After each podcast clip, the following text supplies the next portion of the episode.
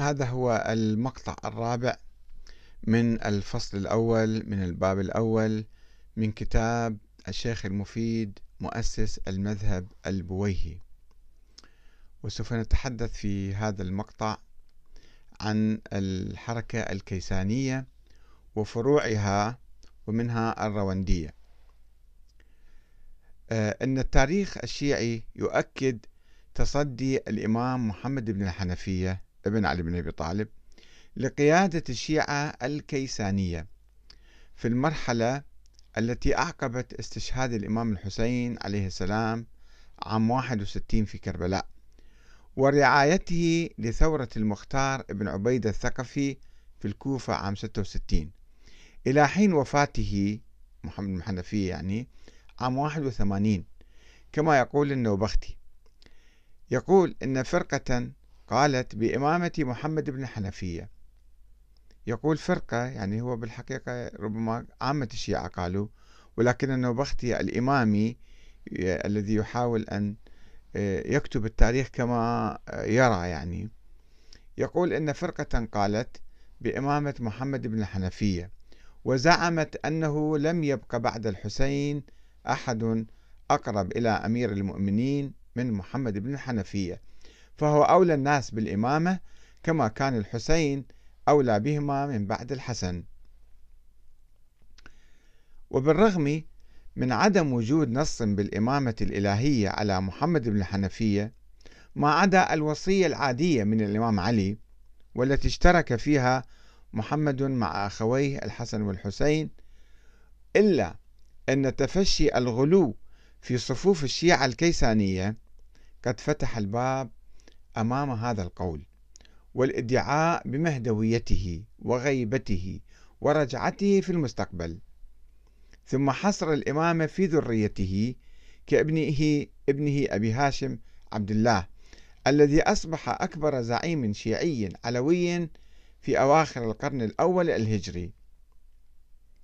ثم القول بإمامة ابنه الآخر علي بن محمد الذي ورث الإمامة الذي ورث الإمامة إلى ابنه الحسن والقول بحصر الإمامة والمهدوية في ذريته إلى يوم القيامة كما قالت بذلك الفرقة المختارية.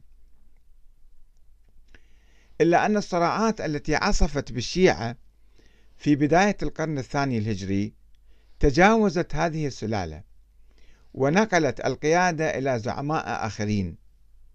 إذ راح زعماء زعماء شيعة غير علويين متعددون يستخدمون منطقا مغاليا خارجا عن الإسلام من أجل تدعيم زعامتهم. يقوم هذا المنطق على نسبة الألوهية لمحمد بن الحنفية وادعاء النبوة والإمامة لأنفسهم وهو ما قام به في بداية القرن الثاني الهجري. رجل من الغلاة يدعى حمزة بن عمارة البربري الذي كان من أهل المدينة وادعى أن محمد بن الحنفية هو الله عز وجل وأنه أي حمزة نبي وإمام وأنه ينزل عليه سبعة أسباب من السماء فيفتح بهن الأرض ويملكها. وقال هذا البربري من عرف الإمام فليصنع ما شاء فلا إثم عليه فتبعه على ذلك ناس من أهل المدينة والكوفة كما يقول المؤرخان النوبختي والأشعر القمي. وقد تبع آه وقد تبع حمزة هذا رجلان من قبيلة نهد. يقال لأحدهما صائد والآخر بيان ابن سمعان التميمي. ولا نعرف كثيرا عن صائد وأما بيان فكان تبانا يبيع التبن بالكوفة. وادعى أن أبا هاشم عبد الله بن محمد بن حنفية نص على إمامته ونصبه إماما ثم ادعى أنه نبي وأن أبا هاشم نبأه عن الله عز وجل وتأول قوله تعالى هذا بيان للناس. قال هذا أنا بيان للناس. تأويلا تعسفيا حيث ادعى أنه هو البيان الذي يشير إليه القرآن. وقد غلا بيان في علي حتى قال هو إله حل فيه جزء إلهي اتحد بناسوته. به كان يعلم الغيب ويظفر بالكفار وبه اقتلع باب خيبر. وإن روح الإله تعالى حلت في علي. ثم من بعده في ابنه محمد بن الحنفية ثم من بعده في ابنه أبي هاشم ثم من بعده في بيان نفسه. وقد خرج بيان مع المغيرة ابن سعيد في الكوفة سنة 119 هجرية. قاموا بحركة يعني. فقتلهم الوالي الأموي خالد بن سعيد القسري. وما أن تم القضاء على حركة بيان والمغيرة حتى رفع راية الغلو رجل يدعى عبد الله بن عمرو بن حرب الكندي الذي قال إن روح الإله تناسخت في الأنبياء والأئمة إلى أن انتهت إلى أبي هاشم عبد الله بن محمد بن الحنفية. ثم إن تلك الروح انتقلت من عبد الله بن محمد إلى عبد الله بن عمرو بن حرب. إلا أن أصحاب ابن حرب اختلفوا فيما بينهم. ثم اجتمع أمرهم على أن يخرجوا إلى المدينة يلتمسون إماما من بني هاشم. إذا كان لابد لهم من إمام. فبينهم, فبينهم في المدينة متحيرين إذ أتى آت عبد الله بن معاوية ابن جعفر الطيار فأخبره خبرهم. قال له في جماعة جايين من الكوفة أو من العراق ويبحثون عن إمام. فأرسل إليهم فلما دخلوا عليه قربهم وانتسب إليهم وأخبرهم بصفتهم وما قدموا له ورغبهم أن هذا أمر علمه بذاته وطبعه.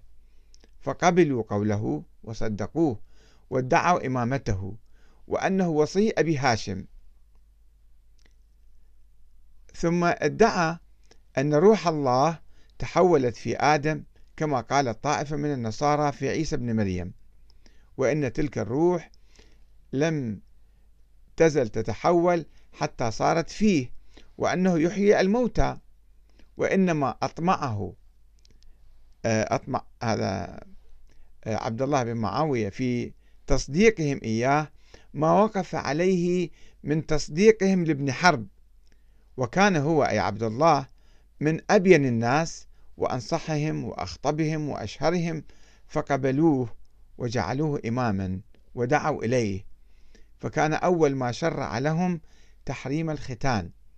وأحل لهم الميتة والدم ولحم الخنزير.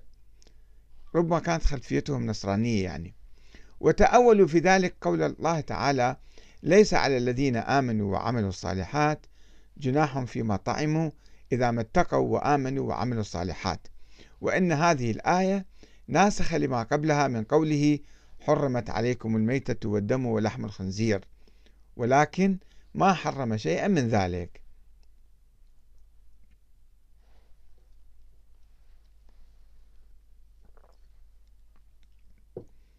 وهكذا استطاع عبد الله ابن معاوية ابن جعفر الطيار أن يكسب ولاء جماعة من الغلاة من أهل المدائن أصحاب عبد الله بن الحارث الذين زعموا أنه الإمام وهو العالم بكل شيء وقالوا إن الله عز وجل نور وهو في عبد الله بن معاوية ومن عرف الإمام فليصنع ما شاء.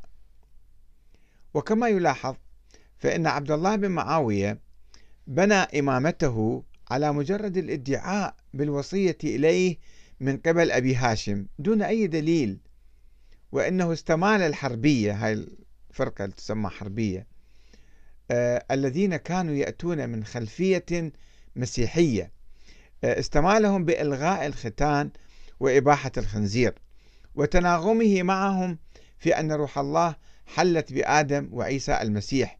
كقول فرقة من النصارى ثم انتقالها إلى محمد وعلي وابن الحنفية وحلولها أخيرا في عبد الله بن معاوية.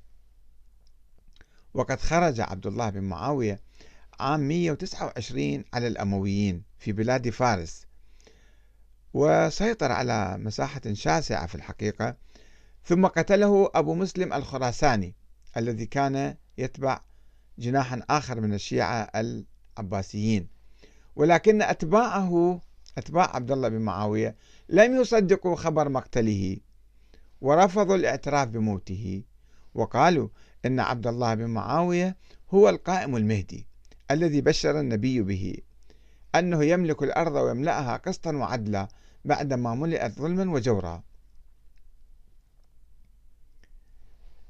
الفرقة الأخرى التي تفرعت من الكيسانية هم الرواندية شيعة العباسيين الغلاة وفي هذه الأثناء كان رجل آخر من بني هاشم وبالتحديد من أبناء العباس هو محمد بن علي بن عبد الله بن العباس. يدعي أيضا استمداد الشرعية الدينية من الوصية له من قبل أبي هاشم. وذلك عندما لفظ أنفاسه الأخيرة هذا الأخير عبد الله يعني آه عبد الله أبو هاشم لفظ أنفاسه الأخيرة في الحميمة. في كنف والده علي بن عبد الله بن عباس.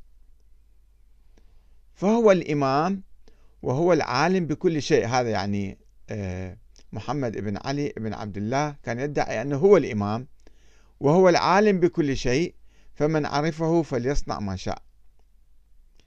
وبما أن العباسيين كانوا جزءا من حركة المعارضة الشيعية الواسعة وتيارا في الحركة الكيسانية المغالية فقد تأثروا أيضا بالبيئة المحيطة بهم وكانت لهم فرقة خاصة تتبعهم وتدور حولهم وهي الفرقة الروندية والتي تفرعت عنها فرق مغالية عديدة.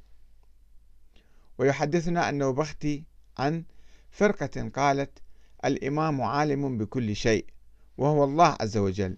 ويحيي ويميت. وأبو مسلم الخراساني نبي مرسل يعلم الغيب. أرسله أبو جعفر المنصور. وهم الروندية أصحاب عبد الله الروندي وشهدوا أن المنصور هو الله فإنه يعلم سرهم ونجواهم. وأعلنوا القول بذلك ودعوا إليه. فبلغ قولهم المنصور فأخذ منهم جماعة فأقروا بذلك فاستتابهم وأمرهم بالرجوع عن قولهم ذلك.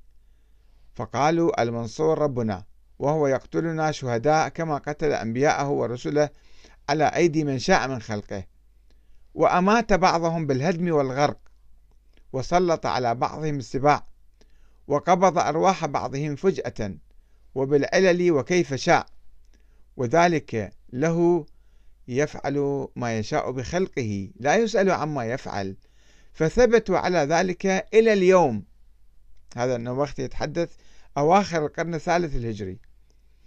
وادعوا أن أسلافهم مضوا على هذا القول ولكن كتموه, كتموه عن الناس وكان ذلك ذنبا منهم يتوب الله منه عليهم وليس هو بمخرجهم من الإيمان ولا من طاعة إمامهم. كما يحدثنا عن فرقة منهم تسمى الهاشمية. قالت أن الإمام عالم يعلم كل شيء وهو بمنزلة النبي في جميع أموره ومن لم يعرفه لم يعرف الله وليس بمؤمن بل هو كافر مشرك. وقادوا الإمام عن أبي هاشم إلى ولد العباس. ويقال لقسم من الفرقة الراوندية الهريرية أو الهريرية. كما يقال لقسم آخر منهم الخرمدينية أو الأبا مسلمية وهم أصحاب أبي مسلم الخراساني الذي قتله المنصور. ولكنهم اتبعوا نهجا باطنيا ولم يعترفوا بمقتله بل قالوا بإمامته وادعوا أنه حي لم يمت هذا أبو مسلم الخراساني. وقالوا بالإباحات وترك جميع الفرائض وجعلوا الإيمان المعرفة لإمامهم. ويمكننا ملاحظة صفات تشترك كل تلك الحركات المغالية آه، فيها وهي واحد بناء النظرية السياسية لكل واحدة منها على الوصية واحد يوصي الآخر سواء من النبي محمد صلى الله عليه وسلم للإمام علي كما قالت السبائية أو الوصية من الإمام علي لمحمد بن الحنفية ومنه لابنه عبد الله أبي هاشم كما قالت الكيسانية. أو من عبد الله لزعماء الحركات المختلفة التي تفرعت عنها كالحربية والبيانية والمغيرية والجناحية أتباع عبد الله بن معاوية والعباسية. هذه كلها حركات تفرعت عن الكيسانية. وكانت تقول بالوصية من واحد لآخر اثنان الغلو في أئمتها وزعمائها إلى درجة الألوهية والنبوة. ثلاثة ادعاء العلم الإلهي لأئمتها بما كان وما هو كائن وما يكون. أربعة ادعاء المهدوية والغيبة للأئمة. خمسة اتباع المنهج الباطني في تأويل الأحداث والأقوال وقلبها ورفض الاعتراف بموت من يموت منهم. ستة تأويل القرآن الكريم لخدمة نظرياتها السياسية المختلفة. سبعة اختلاف اختلاق المعاجز الأسطورية ونسبتها للأئمة في محاولة لإثبات ارتباطهم بالسماء. ثمانية العنف واللعن والتكفير لمخالفيها وعلى رأسهم الخلفاء الثلاثة أبو بكر وعمر وعثمان وطلحة والزبير وعائشة ومعاوية. تسعة إباحة المحرمات كالزنا واللواط والميتة ولحم الخنزير. عشرة الخروج عن أصول الإسلام الرئيسية. وإلى هنا انتهى الفصل الأول من الباب الأول من كتاب الشيخ المفيد مؤسس المذهب البويهي الاثني عشري وسوف نتحدث في الفصل الثاني عن الحركات الشيعية الزيدية والإمامية. والسلام عليكم ورحمة الله وبركاته.